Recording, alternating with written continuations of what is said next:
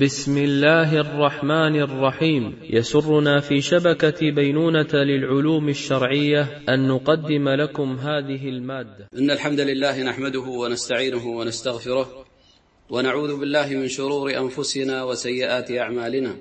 من يهده الله فلا مضل له ومن يضلل فلا هادي له. وأشهد أن لا إله إلا الله وحده لا شريك له. وأشهد أن نبينا محمدا عبده ورسوله صلى الله عليه وعلى آله وصحبه وسلم تسليما كثيرا. ثم أما بعد فقد أخذنا في الدرس الماضي عن شيء من علامات صحة القلب التي ذكرها الناظم رحمه الله تعالى هنا معنا. والتي كما سبق أخذها من ما ذكره الإمام ابن القيم رحمة الله عليهم أجمعين.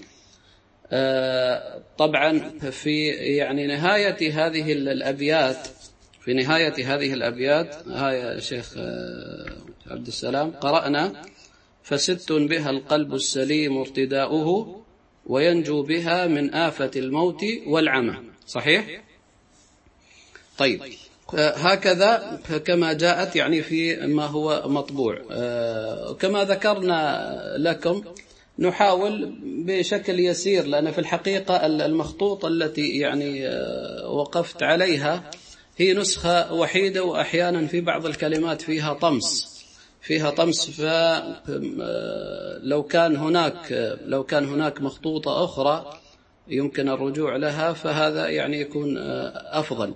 لكن على كل حال الموجود الآن المطبوع جيد وهو الذي عليه الاعتماد على المطبوع. لكن يعني هذا كذلك يفتح يعني باب لمن أراد دراسة مثل هذه المنظومات أو هذه العلوم.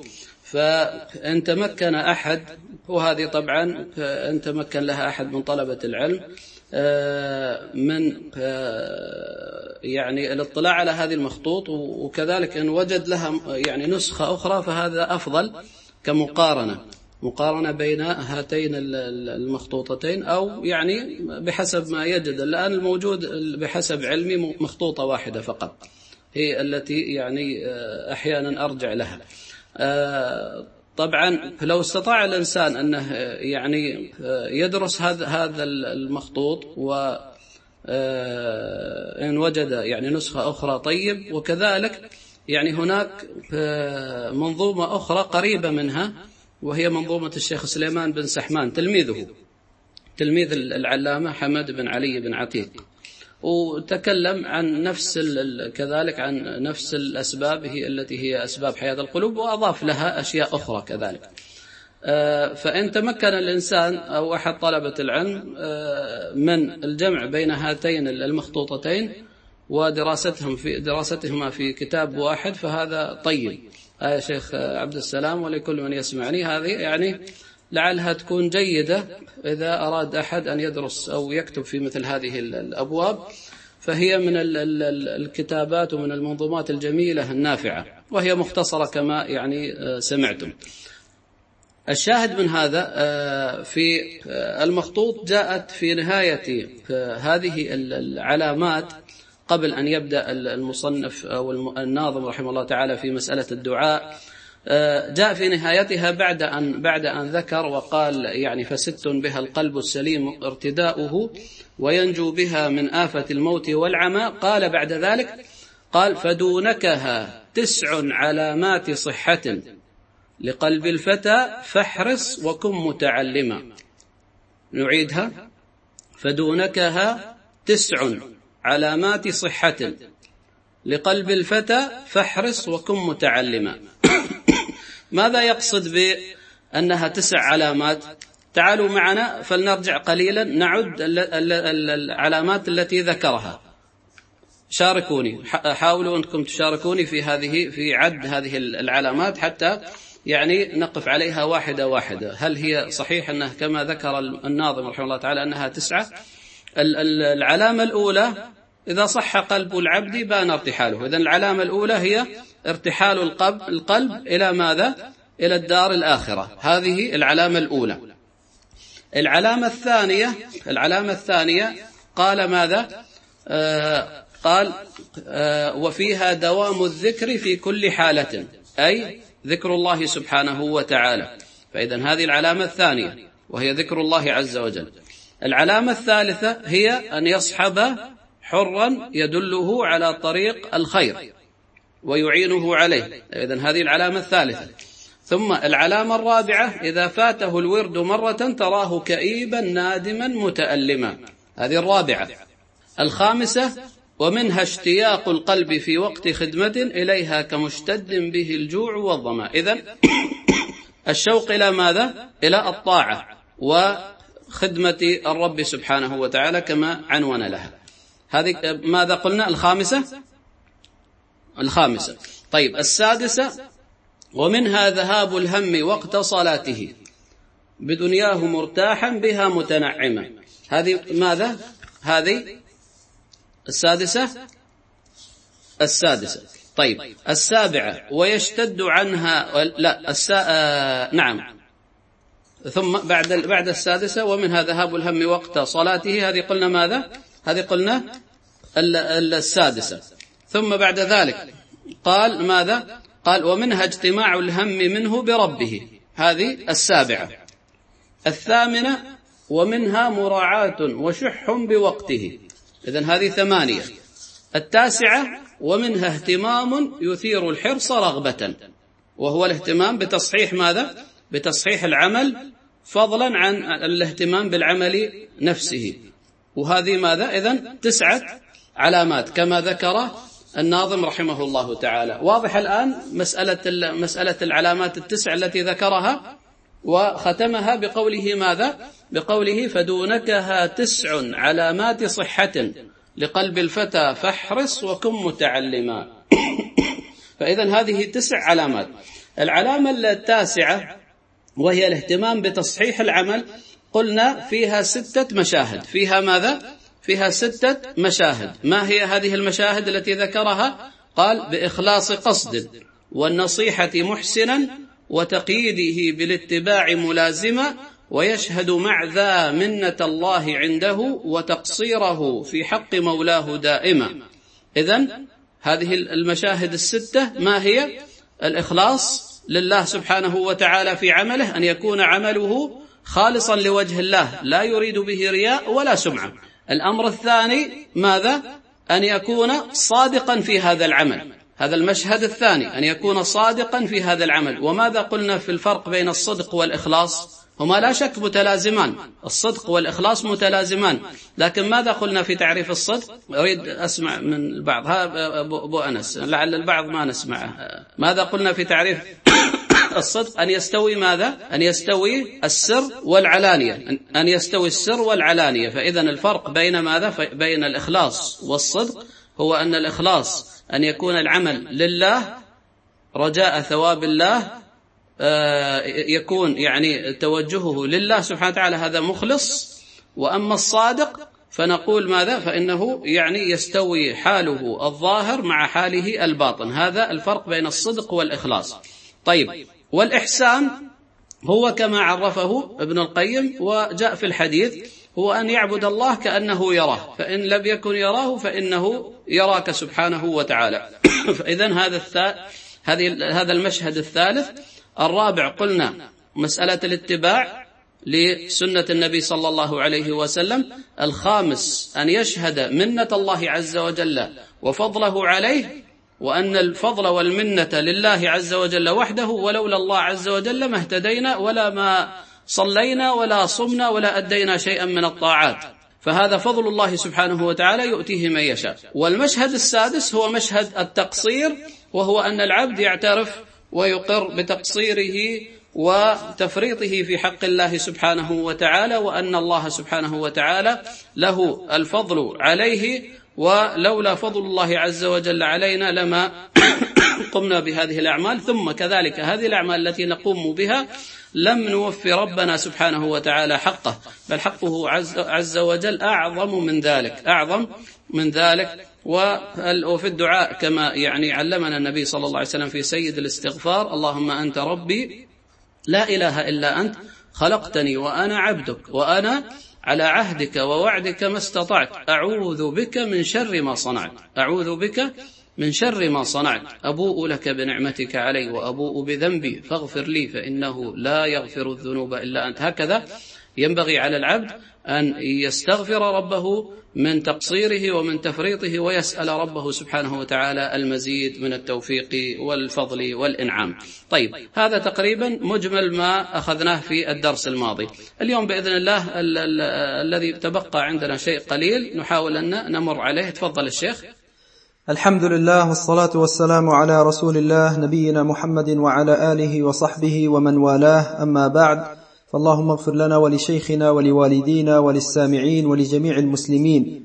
قال الناظم رحمه الله فيا رب وفقنا إلى ما نقوله فما زلت يا ذا الطول برا ومنعما فإني وإن بلغت قول محقق أقر بتقصيري وجهل لعلم ما ولما أتى مثلي إلى الجو خاليا من العلم أضحى معلنا متكلما كغاب خلا من أسده فتواثبت ثعالب ما كانت تطافيفنا الحمى فيا سامع النجوى ويا عالم الخفاء سألتك غفرانا يكون معمما.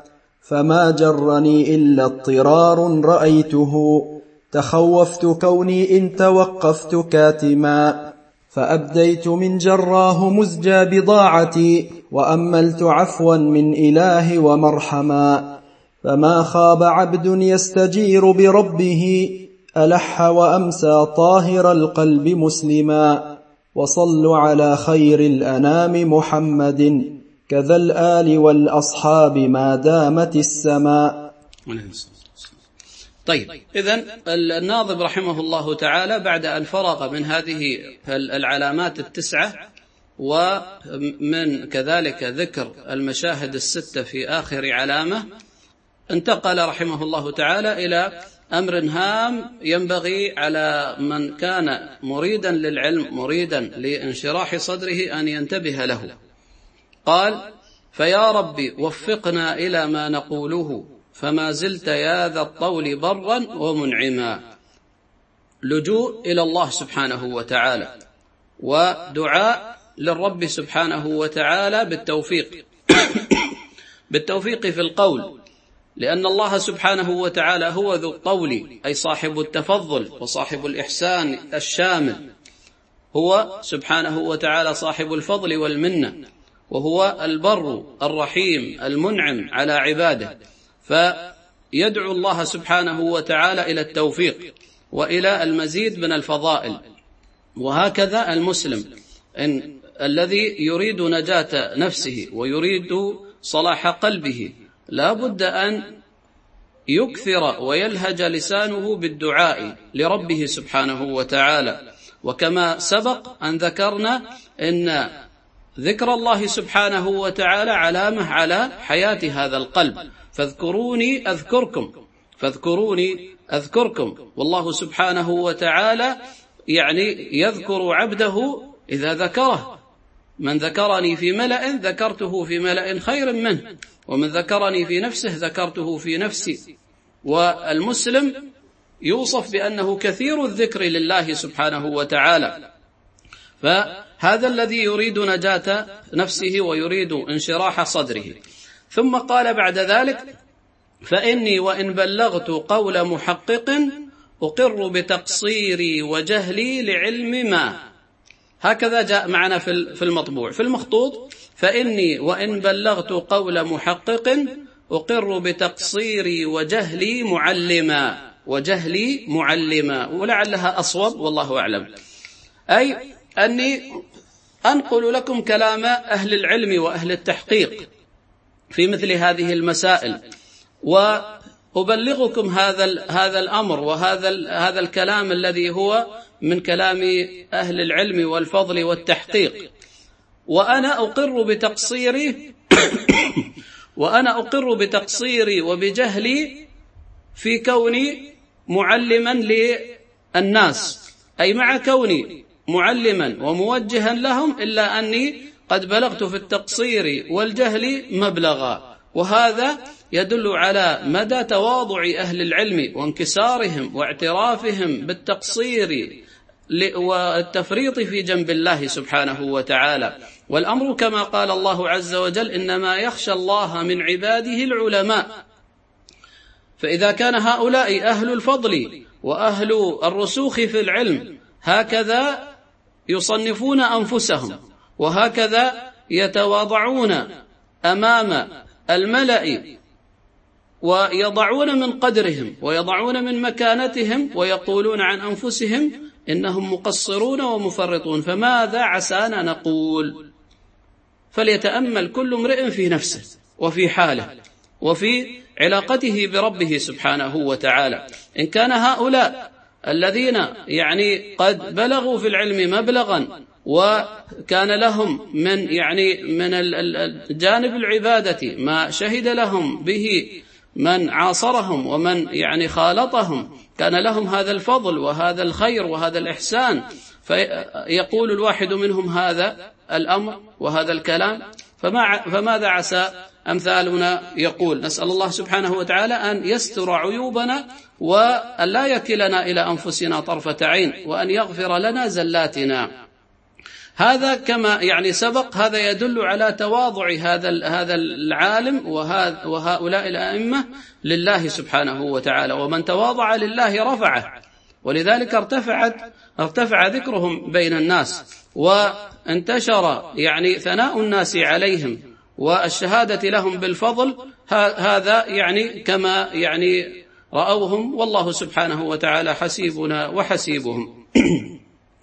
ومن هذا يعني من هذا القبيل ومن هذا من هذه النماذج التي يعني سبقت المؤلف والناظم رحمه الله تعالى ما ذكره ابن القيم رحمه الله تعالى من كلام جميل يحسن بنا أن نقف عليه في كتابه الماتع طريق الهجرتين.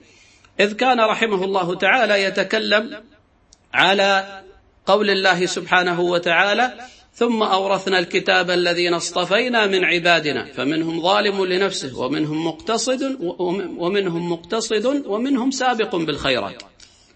لما وصل رحمه الله تعالى إلى منزلة السابقين بالخيرات ماذا قال؟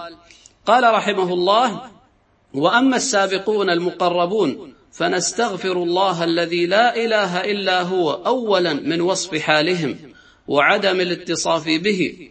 بل ما شممنا له رائحة. بل ما شممنا له رائحة. يعني ما شممنا رائحة هذه المنزلة.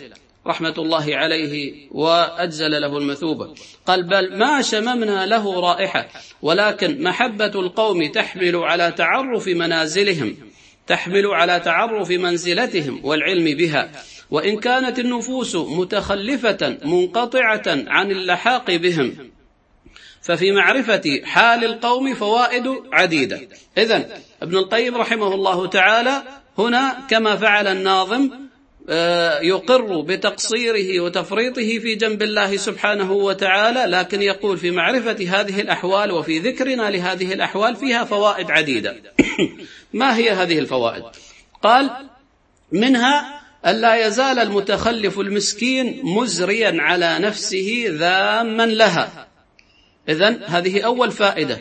يرى من تخلف عن ركب هؤلاء ومن كان مقصرا في جنب الله سبحانه وتعالى يرى هذه المنازل ويسمع عنها من هؤلاء الفضلاء ومن هؤلاء الأئمة الأجلاء فماذا يفعل؟ في في في يعني يحتقر نفسه. ويزري على نفسه ويذم هذه النفس كما سبق معنا ويلومها على تقصيرها وتفريطها. هذا أولا. ومنها أن لا يزال أن لا يزال منكسر القلب بين يدي ربه تعالى ذليلا له حقيرا يشهد منازل السابقين وهو في زمرة المنقطعين ويشهد بضائع التجار وهو في رفق وهو في رفقة المحرومين. فإذا هذا كذلك أمر آخر وهو أن يعني يولد هذا الشيء له انكسارا في قلبه انكسارا في قلبه وتذللا لربه سبحانه وتعالى أن يعفو عنه. ثم قال ومنها أنه عساه أن تنهض همته يوما إلى التشبث والتعلق بساقة القوم ولو من بعيد. يعني لعله في يوم من الأيام أن تزداد عزيمته وتنهض همته إلى اللحاق بهم أو بشيء من ماذا؟ بشيء مما ساروا عليه ولو من بعيد.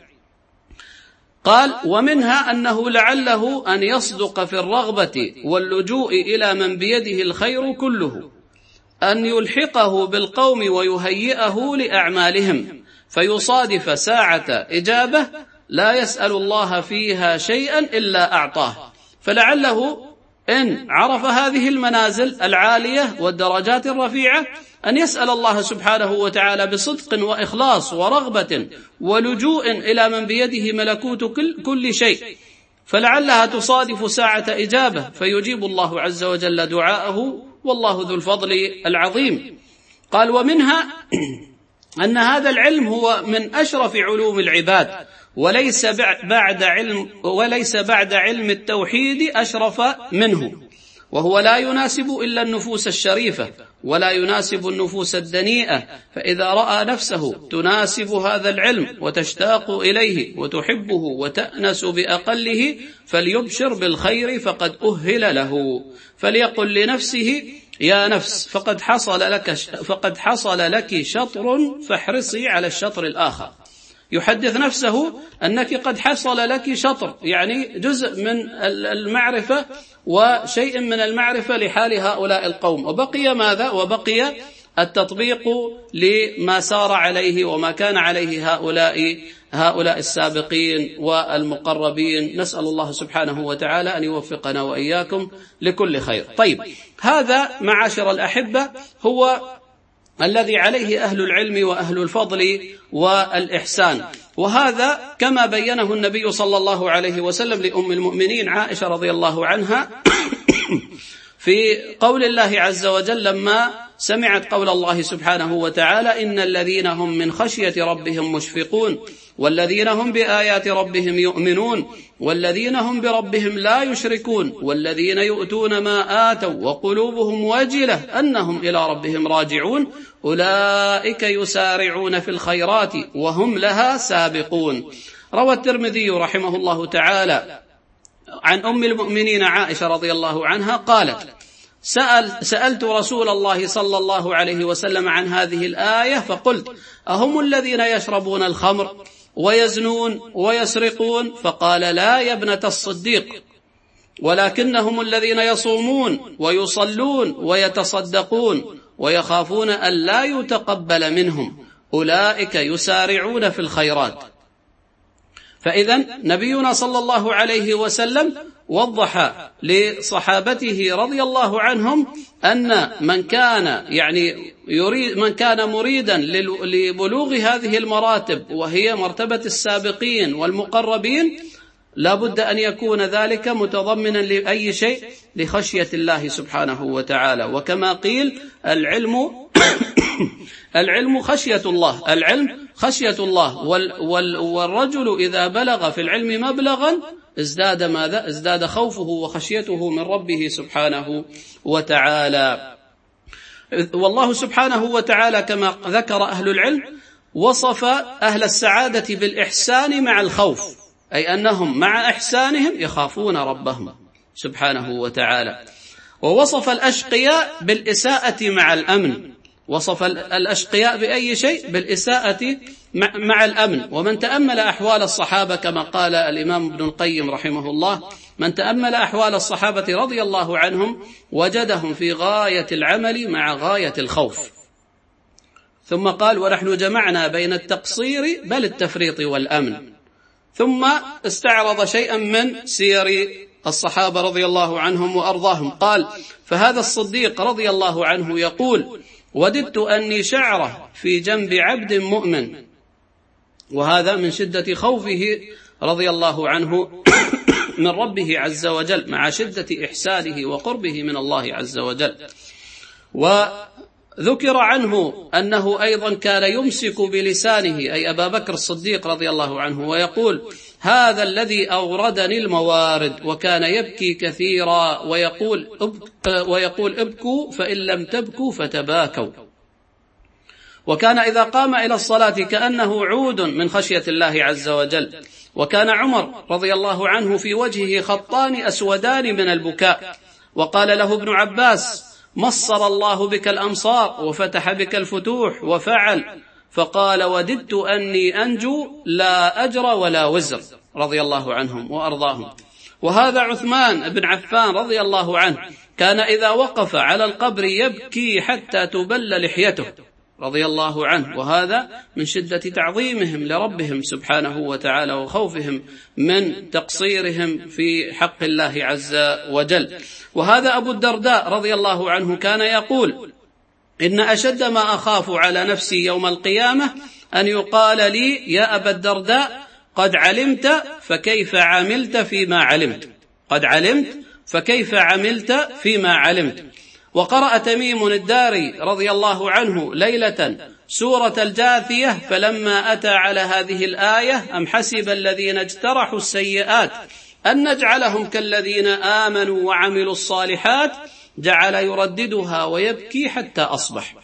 هكذا كان حالهم رضي الله عنهم وأرضاهم. فلذلك لما عرفوا ربهم عز وجل اشتد خوفهم وخشيتهم من الله سبحانه وتعالى أن يكونوا قد قصروا في حقه عز وجل وعلموا حقيقة معنى قول النبي صلى الله عليه وسلم إنه لن يدخل أحد منكم الجنة بعمله. قيل يا رسول الله حتى أنت؟ قال نعم إلا أن يتغمدني الله برحمته. وهكذا ينبغي على المسلم أن يكون مع إحسانه أن يكون خائفا وجلا من من ربه سبحانه وتعالى ولا يعجب بعمله. لا يعجب بعمله مهما بلغ عملك من الإحسان والتقوى والإخلاص لله سبحانه وتعالى فإياك والعجب. إياك والعجب فإن العجب مبطل محبط للأعمال. والنبي صلى الله عليه وسلم قد صح عنه أنه قال ثلاث مهلكات ثلاث مهلكات وثلاث منجيات.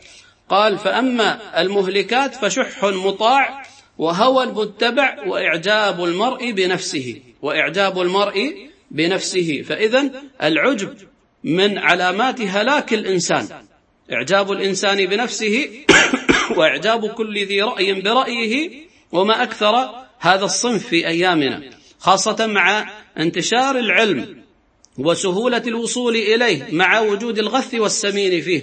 إلا أن الناس تجد تجد الكثير نسأل الله العافية والسلامة يعجب الواحد منهم بنفسه. وأن العلم سهل يستطيع أن يصل إليه ويستطيع أن يعرف كذا ويعرف كذا ثم بعد ذلك يظن نفسه أنه قد بلغ من المنزلة العظيمة ما بلغ. وهذا من يعني إعجاب المرء بنفسه وهذا قد يكون من علامات هلاك الإنسان إن لم يتداركه الله عز وجل برحمة منه وفضل.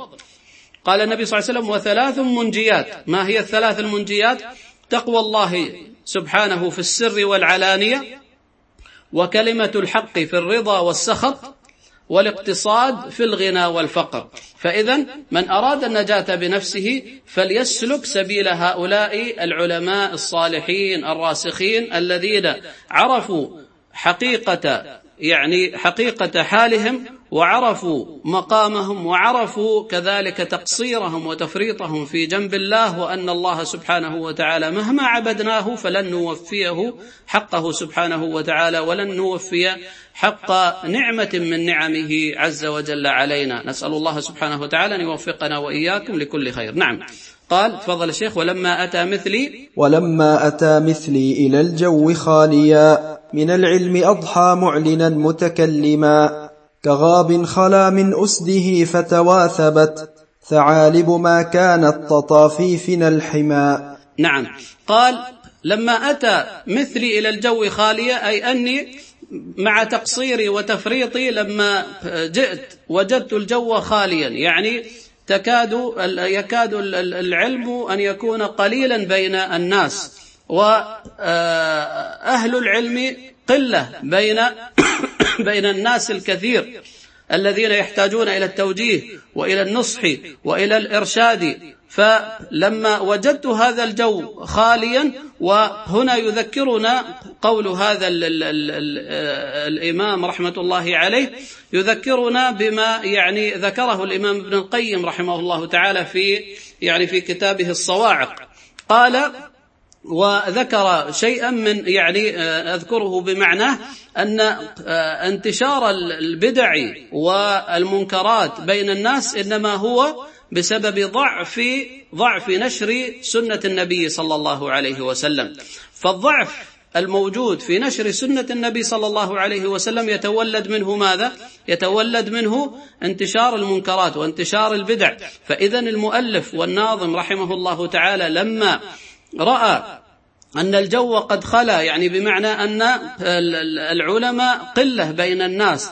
لما رأيت هذا الجو خاليا من العلم أضحى معلنا متكلبا. يعني اضطررت للكلام والإعلان عن مثل هذه التوجيهات وهذه النصائح وبيان هذه الأسباب التي فيها حياة القلب. ثم ذكر مثالا على ذلك وحاشاه رحمة الله عليه من أن يكون هكذا ولكن هذا من تواضعه ومن احتقاره لنفسه. قال كغاب خلا من أسده فتواثبت ثعالب. ما كانت تطافي فينا الحمى. يعني كالغابة التي غاب عنها غاب عنها وخلت من الأسود ومن يعني السباع المفترسة. فماذا تواثبت فيها؟ ويعني بدأت ترى نفسها أنها هي هي جاءت الثعالب التي هي أقل شأنا ولا قيمة لها. جاءت هذه الثعالب التي ما كانت تستطيع أن تطى في فنى الحمى يعني ما كانت تستطيع أن تصل إلى ساحة الحمى الحمى المقصود فيها المكان المحمي الذي يعني تراه من بعيد وهو فيه من الخضرة وفيه من ال ال ال الأمور الطيبة التي تمتنع من دخوله لكن لعدم وجود شيء يمنعها لأن الأسود قد غابت والسباع المفترسة الأقوى منها غابت فإذا بدأت هذه الثعالب بماذا؟ يعني التواثب وجعلت من نفسها أنها هي التي هي صاحبة هذا المكان. هذا يدل على أن من الجو إذا خلا من أهل العلم يدخل هؤلاء المتطفلون على العلم. ويدخل هؤلاء الذين لا قيمة ولا وزن لهم في العلم فيبدأ الواحد منهم يتكلم. لكنه رحمه الله حاشاه أن يكون كذلك بل هو ممن شهد له بالعلم والفضل وقوة العلم وقوة العقيدة وقوة يعني آه، نصرة دين الله سبحانه وتعالى. ولكن هذا كما ذكرنا إن هذا من تواضع هذا العالم الجليل رحمة الله عليه وغفر لنا وله. طيب ثم قال فيا سامع النجوى ويا عالم الخفاء سألتك غفرانا يكون معمما فما جرني إلا اضطرار رأيته. تخوفت كوني إن توقفت كاتما فأبديت من جراه مزجى بضاعتي وأملت عفوا من إله ومرحما. نعم ثم عاد مرة أخرى ويدعو ربه سبحانه وتعالى فيا سامع النجوى ويا عالم الخفا أي كما قال الله سبحانه وتعالى يعلم خائنة الأعين وما تخفي الصدور. وإن تجهر بالقول فإنه يعلم السر وأخفى. ربنا إنك تعلم ما نخفي وما نعلن وما يخفى على الله من شيء في الأرض ولا في السماء. يدعو ربه بأنه يا من يسمع النجوى والنجوى هي الكلام الذي يكون بصوت منخفض جدا بين اثنين وفرق بين السر والنجوى أن السر ما كان في النفس والنجوى ما كان بين بين اثنين ولكنه يعني بشكل بصوت يعني غير مسموع. فهذا هذا يسمى النجوى وأما السر فهو ما كان في نفس الإنسان ولم يخرج. فهذا الفرق بين السر والنجوى. فيا سامع النجوى ويا عالم الخفا يا من لا تخفى عليه خافية. يعلم دبيب النملة ويرى دبيب النملة السوداء في الليلة الظلماء في يعني في ويسمع صوتها. وهذا أمر لا يخفى على الله سبحانه وتعالى. فيا سامع النجوى ويا عالم الخفاء يا من تعلم ما نخفي وما نعلن تعلم ما في قلوبنا. سألتك غفرانا يكون معمما. أي أسألك أن تغفر لي وتستر علي وتستر علي على على ذنوبي. وهذا الستر والغفران يكون معمما على جميع أعمالي وجميع أقوالي وجميع أفعالي وأحوالي. فهكذا من يريد نجاة نفسه لا بد أن يسأل الله سبحانه وتعالى يسأل الله سبحانه وتعالى الستر ويسأله المغفرة عز وجل وأن يكون ذلك شاملا لجميع ذنوبه وجميع أعماله وجميع أقواله وأحواله. اللهم اغفر لي ما ما تعلم ولا أعلم. فلا بد من من المسلم أن يتوجه إلى الله سبحانه وتعالى بهذا بهذه الأدعية. وباللجوء إلى الله سبحانه وتعالى كما جاء في الحديث اللهم إني أعوذ بك من أن أشرك بك وأنا أعلم وأعوذ بك من وأستغفرك لما لا أعلم. فيستعيذ بالله سبحانه وتعالى من الشرك ويستعيذ بالله سبحانه وتعالى ويطلب منه المغفرة في أن يغفر له ما يعلم ما يعلم به العبد وما لا يعلم به العبد مما يعني حصل منه من ذنوب ومعاصي تجاه ربه عز وجل. قال بعد ذلك فما جرني إلا اضطرار رأيته تخوفت كوني إن توقفت كاتما.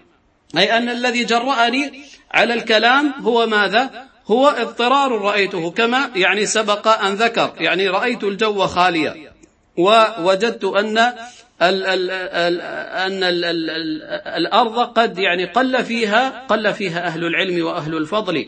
فجرني هذا واضطررت إلى آه، الكلام وإلا لو كان أهل العلم موجودون لكنت لكنت أولى بالصمت والسكوت من إبداء رأيي.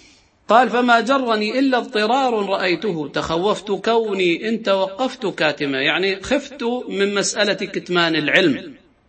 وأن كتمان العلم لا يجوز كما قال الله عز وجل إن الذين يكتمون ما أنزلنا من البينات والهدى من بعد ما بيناه للناس في الكتاب أولئك يلعنهم الله ويلعنهم اللاعنون. فهذه الآية تعم كل من يكتم ماذا؟ كل من كل من يكتم شيئا من دين الله يحتاج إلى نشر ويحتاج إلى بث وإلى دعوة للناس فيه. كما قال النبي صلى الله عليه وسلم من سئل عن علم فكتمه ألجمه الله بلجام من نار يوم القيامة. وكما قال ربنا سبحانه وتعالى وإذ أخذ الله ميثاق الذين أوتوا الكتاب لتبين لتبينن لتبيننه للناس ولا تكتمونه. واذ أخذ الله ميثاق الذين أوتوا الكتاب لتبيننه للناس ولا تكتمونه. فاذا مسألة كتمان العلم هذا أمر لا يجوز. طيب قد يسأل سائل فيقول إن يعني آه، بعض أهل العلم قد يكتمون أحيانا شيئا من من العلوم. يقال هل يجوز كتمان العلم؟ يقال ما كل ما يعلم يقال كما نقل هذا ونص على هذا عدد من أهل العلم. لكن ما هو الذي يجوز كتمانه؟ يقال الذي لا يحتاج إلى آه، نشر وإلى بث بين الناس. هذا يجوز كتمانه. أما أما مثلا ما يكون فيه ما يكون فيه بيان دين الله عز وجل وبيان سنة النبي صلى الله عليه وسلم وما يحتاج إليه الناس فهذا لا بد من بيانه وإظهاره للناس وإرشادهم إليه ودعوتهم إليه. فإذا هذا من الأمور قال التي خفت أن يكون أنه لا يجوز لي أن أسكت وأن أكتم هذا فلذلك أبديت من جراء هذا بضاعة المزجاة. البضاعة المزجاة التي هي غير مرغوب فيها لقلتها أو لعدم وقوعها ذاك الموقع في أنفس الناس يعني لا قيمة لها. فهذه البضاعة التي عندي هذه اضطررت أني أقدمها للناس على أمل أن يشملني عفو الله سبحانه وتعالى وأكون غير كاتم للعلم وأملت عفوا من إلهي ومرحما يعني أن يرحمني الله سبحانه وتعالى بهذا الشيء و يكون في هذا الأمر رحمة لي. نعم. تفضل الشيخ. فما خاب عبد يستجير بربه ألح وأمسى طاهر القلب مسلما وصلوا على خير الأنام محمد كذا الآل والأصحاب ما دامت السماء نعم. ثم قال فما خاب عبد يستجير بربه ألح وأمسى طاهر القلب مسلما. وهذا أمر لا بد أن يكون في قلب المسلم إن أراد النجاة وهي مسألة إحسان الظن بالله سبحانه وتعالى.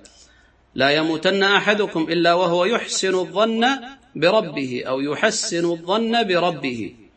فما خاب عبد رجا ربه وأحسن الظن بمولاه سبحانه وتعالى. يقول الإمام ابن القيم رحمه الله تعالى في مدارجه يقول وكلما كان العبد حسن الظن بالله حسن الرجاء له صادق التوكل عليه فإن الله لا يخيب أمله فيه البتة. فإن الله لا يخيب أمله فيه البتة. فإنه سبحانه لا يخيب أمل آمل ولا يضيع عمل عامل. ثم قال فإنه لا أشرح للصدر ولا أوسع له بعد الإيمان من ثقته بالله ورجائه له وحسن ظنه به. انتهى كلامه رحمه الله. فمن أصيب بشيء أو من صعب عليه أمر أو أصابته مشقة فلا تيأس من روح الله ولا يقنطك الشيطان من رحمة الله سبحانه وتعالى. بل أحسن الظن بربك وألح عليه في السؤال وسل الله سبحانه وتعالى بقلب صادق بقلب مخلص منيب إلى ربه سبحانه وتعالى منكسر بين يديه منطرحا ذليلا راجيا ما عند ربه سبحانه وتعالى متأملا في فضائله وفي إحسانه عليه راجيا ثوابه آملا طامعا في مغفرته وفي توفيقه. فمن اجتمعت عليه مثل هذه المقامات في قلبه ومثل هذا الأمر وهذا الاستحضار في قلبه فإن الله لا يخيب أمله فيه البتة. أرأيت يا عبد الله؟ وأرأيت يا أمة الله؟ لو أن إنسانا طرق باب رجل كريم لو طرق باب رجل كريم عرف بالكرم بين الناس وعرف بالفضل والخير بين الناس وجاءه محتاج وطرق ماذا؟ وطرق بابه. وسأله سؤالا وألح عليه في السؤال أيرده؟ لا يرده. فهذا الظن بمخلوق عاجز ضعيف. فما الظن بمولاك سبحانه وتعالى؟ وما الظن بمولاك سبحانه وتعالى؟ ومن أدام طرق الباب فتح له ولا بد. لا يقولن أحدكم دعوت فلم يستجب لي. بل ألح على الله سبحانه وتعالى بالدعاء وألح عليه بالسؤال وألحي عليه يا أمة الله ألحي عليه بالدعاء وبالسؤال وبالطلب وبالرجاء. ادعوا ربكم وتقربوا منه وتذللوا بين يديه سبحانه وتعالى. لا بد أن يستحضر المسلم مثل هذه المعاني العظيمة وتكون له أوقات يخلو فيها بربه سبحانه وتعالى في سجوده في أوقات الإجابة وفي أوقات يناجي فيها ربه سبحانه وتعالى. يطلب منه عز وجل أن يحيي قلبه وأن ينير بصيرته وأن يهديه ويوفقه. بهذه المعاني وبهذه الحياة وبهذا الدعاء يشعر المسلم باللذة ويشعر بالراحة والسعادة. ويتذكر أن الله سبحانه وتعالى هو الذي وفقه للدعاء وهو الذي سيوفقه بإذن الله لإجابة هذا الدعاء. فلا ييأس المسلم ولا يقنط من رحمة الله ولا ييأس من روح الله عز وجل بل يسارع ويلح على الله سبحانه وتعالى بالدعاء وليبشر بكل خير.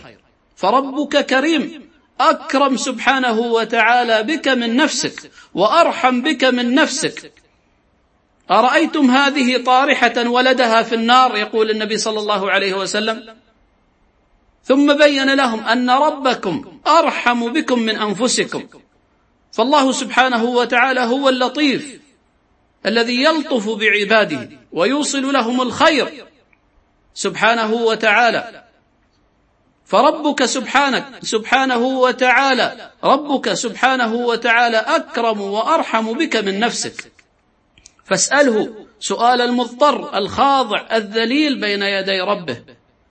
ومن أدام طرق الباب كما قال أهل العلم فتح له ولا بد. فكيف إذا كان باب الكريم سبحانه وتعالى الذي يستحي أن يرد عبده صفرا نسأل الله سبحانه وتعالى أن يمن علينا بالقلب السليم وبالعلم النافع والعمل الصالح. نعم. ثم قال في آخر هذه الأبيات وصلوا على خير الأنام محمد كذا الآل والأصحاب ما دامت السماء. جاء في المخطوط وصلوا على خير الأنام محمد وآله والأصحاب ما دامت السماء. ويعني الوزن لا يختلف هنا أو هناك. في نهاية وفي خاتمة هذه الأبيات آه، رجع المؤلف والناظم رحمه الله تعالى مرة أخرى إلى مسألة الصلاة والدعاء لله سبحانه وتعالى أن يثني على خير خلقه وخير الأنام محمد صلى الله عليه وسلم يثني عليه في الملأ الأعلى كذا الآل. وقد عرفنا أنهم آل بيت النبي صلى الله عليه وسلم من زوجاته وذريته. وأقربائه كذا الآل والأصحاب وهم صحابة النبي صلى الله عليه وسلم ما دامت السماء. فهذا إذن في نهاية هذه الأبيات نسأل الله سبحانه وتعالى أن يوفقنا لكل خير وأن يمن علينا بالعلم النافع والعمل الصالح إنه ولي ذلك والقادر عليه. وآخر دعوانا أن الحمد لله رب العالمين وصل اللهم وسلم وبارك على عبدك ونبيك محمد وعلى آله وصحبه أجمعين. بارك الله فيكم شيخنا الله يحفظكم وجزاكم الله خير. نفع الله بما تفضلتم بارك الله فيك الله يحفظكم ويبارك فيك. المعذرة منكم أنا أنا قلت اليوم نختصر زيادة بس الحمد لله لعلي يعني آه، جئت بشيء من الاختصار تفضل يا شيخ. الله يرفع قدرك شيخ. وياك السؤال الأول شيخنا تقول السائل أحسن الله إليكم. شيخ هشام وغفر لكم. هل إخراج الصدقة بنية معينة جائز؟ وهل إذا دفعت صدقة لبناء مسجد ثم دعوت الله بهذا الفعل هل يكون هذا جائزا؟ وجزاكم الله خيرا.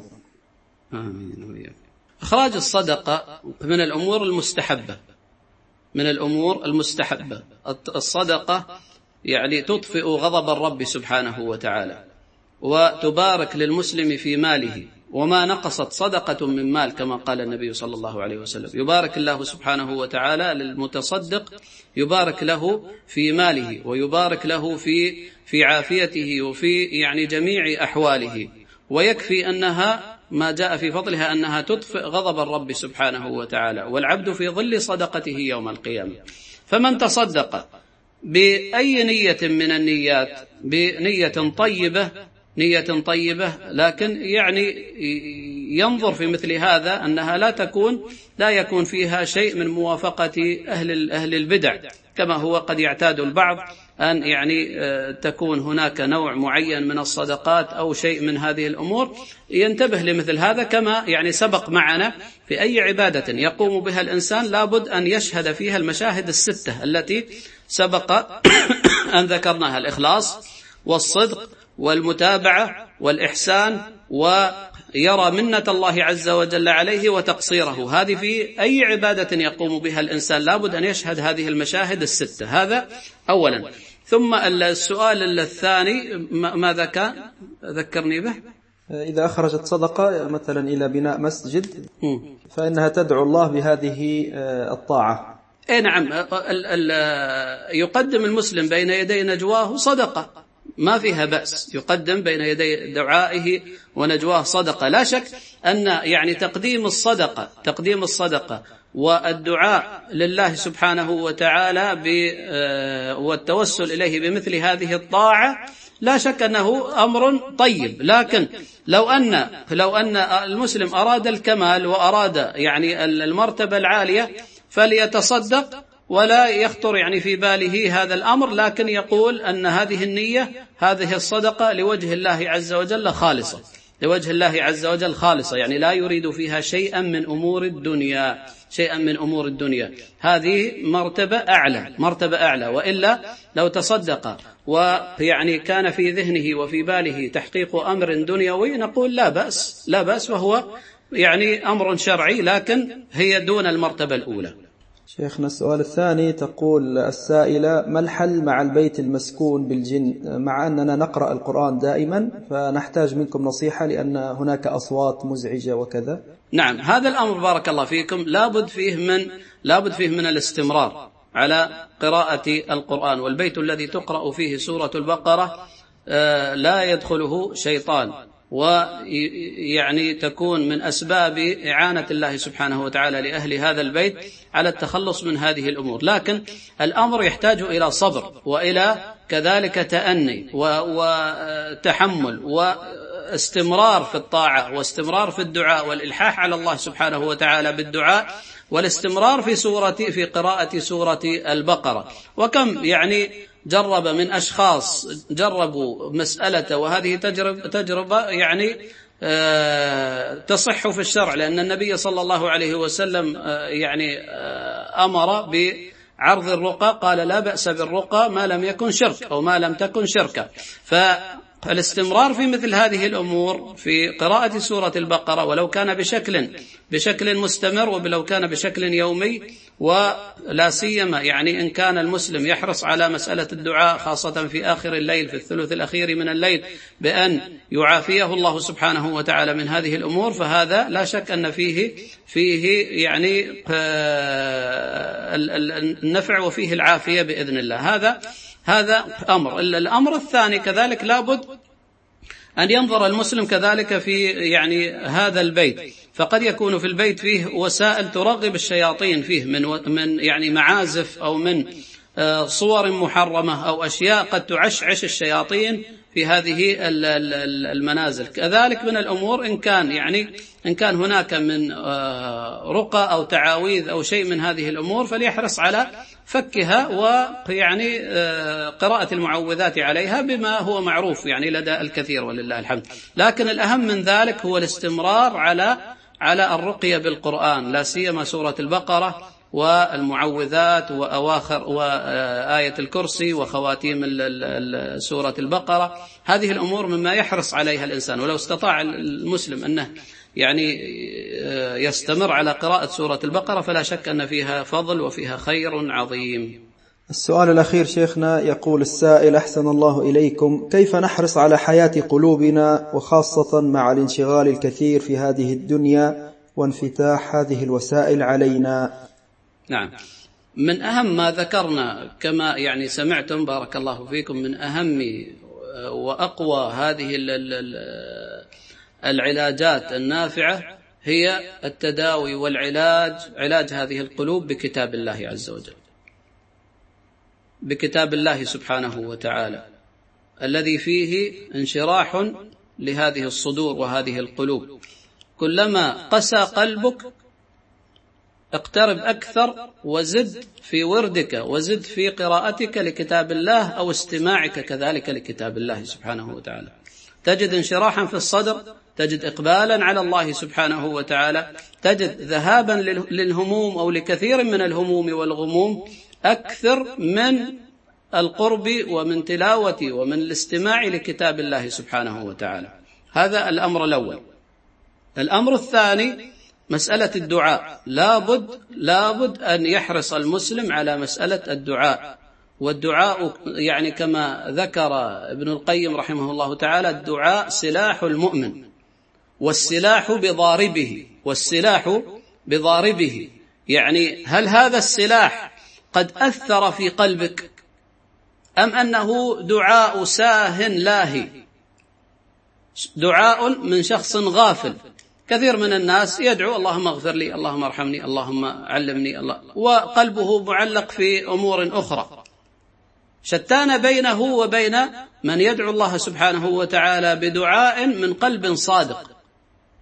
فإذا الدعاء سلاح المؤمن وكما قال أهل العلم السلاح هذا بضاربه أي بمن يستخدمه فإن كان يعني إن كان استخدامه ضعيفا كان أثره ضعيفا. يقول ابن القيم كالقوس كالقوس إن يعني إن كانت رخوة وكانت ضعيفة. يخرج منها السهم لكنه سهم ضعيف لا أثر له ولا قيمة له. وأما إن ضرب يعني بسهم بسهم وقوس قد براها وقد يعني أحسن استخدامها وكانت قوسا قوية أثرت ولا بد. والاستمرار معاشر الأحبة معاشر الأفاضل الاستمرار.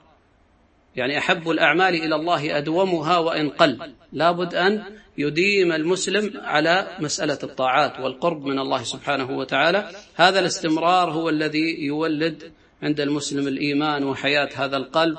أسأل الله سبحانه وتعالى أن يبصرنا وإياكم بكل خير. نعم. أحسن الله إليكم شيخنا وبارك الله فيكم وجزاكم الله خيرا ونفع الله بما قدمتم.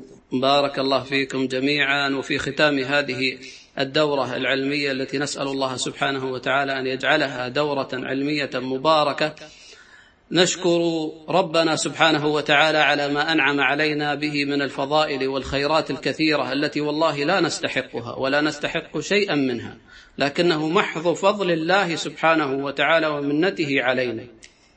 هذا أولا. ثم بعد ذلك نشكر ولاة أمورنا والقائمين على على رعاية شؤوننا في هذه البلاد الطيبة التي نسأل الله سبحانه وتعالى أن يبارك فيها وفي قادتها وفي ولاتها وفي مسؤوليها وفي شعبها. هذا ثانيا.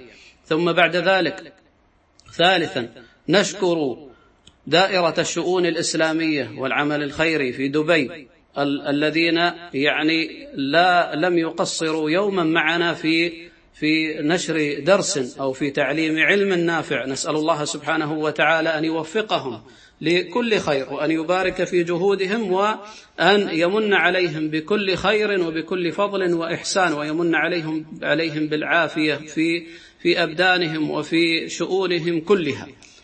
ثم كذلك لا ننسى دور مركز رياض الصالحين وما يقوم به من نشر لهذه العلوم الخيرة ونشر لسنة النبي صلى الله عليه وسلم. من يعني كبيرهم إلى صغيرهم جميع القائمين على هذا المركز نشكرهم كلهم. وعلى رأسهم والدنا خليفة بن ضاعن نسأل الله أن يمد له في عمره ويبارك له فيه ويرزقه الصحة والعافية وأن يبارك له في ذريته وفي أحفاده وفي جميع أهله. كما نسأله سبحانه وتعالى أن يبارك في القائمين على هذا المركز. وجميع من هم منتسبين لهذا المركز الذي لم يعني يفتأوا في يعني في إعانتنا وفي آه، في تسخير هذه السبل وهذه الوسائل الطيبة لنا. نسأل الله سبحانه وتعالى أن يبارك فيهم وأن يعني يزيدهم من فضله ومن خيراته ومن إحسانه. ثم كذلك لا أنسى أن أشكر كل من تابعنا أو أفادنا بمعلومة أو صحح لنا شيئا أو يعني فاستفدنا منه في يعني في أي أمر من الأمور. نسأل الله سبحانه وتعالى أن يبارك في الحاضرين وفي القائمين على هذه الدروس وكل من يعني آه، كان معنا في هذه الأوقات نسأل الله سبحانه وتعالى أن يبارك فيكم جميعا وأن يجعلنا وإياكم ممن يتعلمون هذا العلم النافع وممن يقومون بالدعوة إلى الله سبحانه وتعالى على بصيرة. ويكونون عونا لولاة أمورهم عونا لبلدانهم فيهم من الرفق والرحمة بالناس فيهم من الخير الذي يريدون أن يبلغوه للناس. نسأل الله سبحانه وتعالى أن يوفقنا وإياكم لكل خير وأن يجعل أعمالنا خالصة لوجهه الكريم لا رياء فيها ولا سمعة. ونعوذ بالله من كل آفة ومن عجب ومن غير ذلك من الآفات. هذا وبالله التوفيق وصل اللهم وسلم وبارك على عبدك ونبيك محمد وعلى آله وصحبه أجمعين. للاستماع إلى الدروس المباشرة والمسجلة والمزيد من الصوتيات يرجى زيارة شبكة بينونة للعلوم الشرعية على الرابط بينونة دوت نت وجزاكم الله خيرا.